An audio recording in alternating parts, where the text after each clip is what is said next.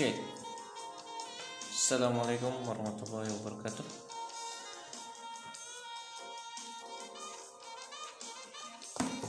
Di tangan saya ada sebuah buku yang berjudul Ensiklopedia Tokoh Muslim Potret Perjalanan Hidup Muslim Terkemuka dari Zaman Klasik hingga Kontemporer.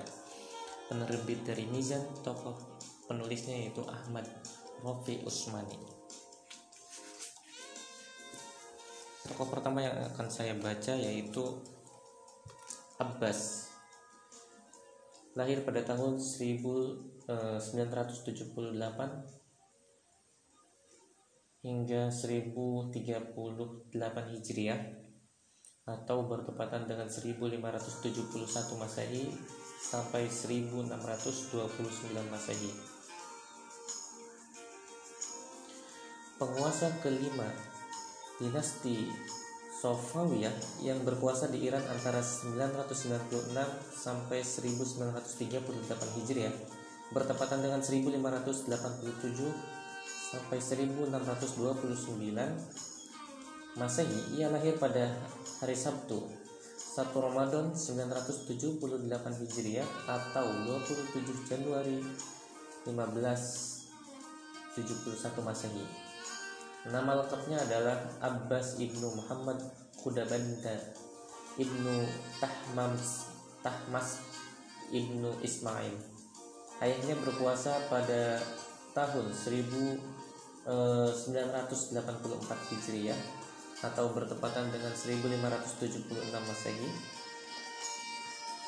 menggantikan saudaranya yaitu Syekh Ismail Dua, yang hanya berkuasa selama beberapa bulan karena tidak mampu mengatasi kekacauan dalam negeri menyusul wafatnya Tahmas satu. Namun sang ayah pun ternyata tidak sanggup meredam gejolak tersebut.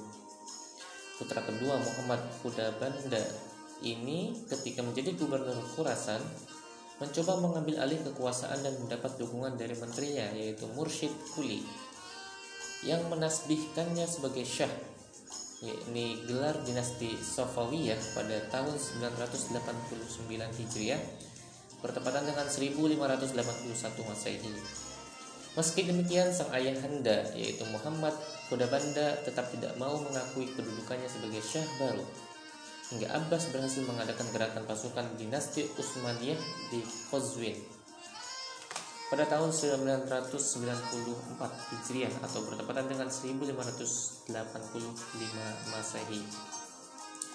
Barulah pada pada hari Rabu 2 Muharram 996 Hijriah atau bertepatan dengan 2 Desember 1900, 1587 Masehi, Abbas berhasil mengukuhkan kedudukannya sebagai pemimpin dinasti Safawiyah dengan gelar Syah di Isfahan yang kemudian dijadikannya sebagai pusat pemerintahan. Setelah resmi memegang tampuk kekuasaan, penguasa yang menganut paham Syiah Imamiyah ini atas nasihat seorang petualang asal Inggris bernama Robert Shirley merapatkan barisan kekuatannya dan melakukan reorganisasi politik.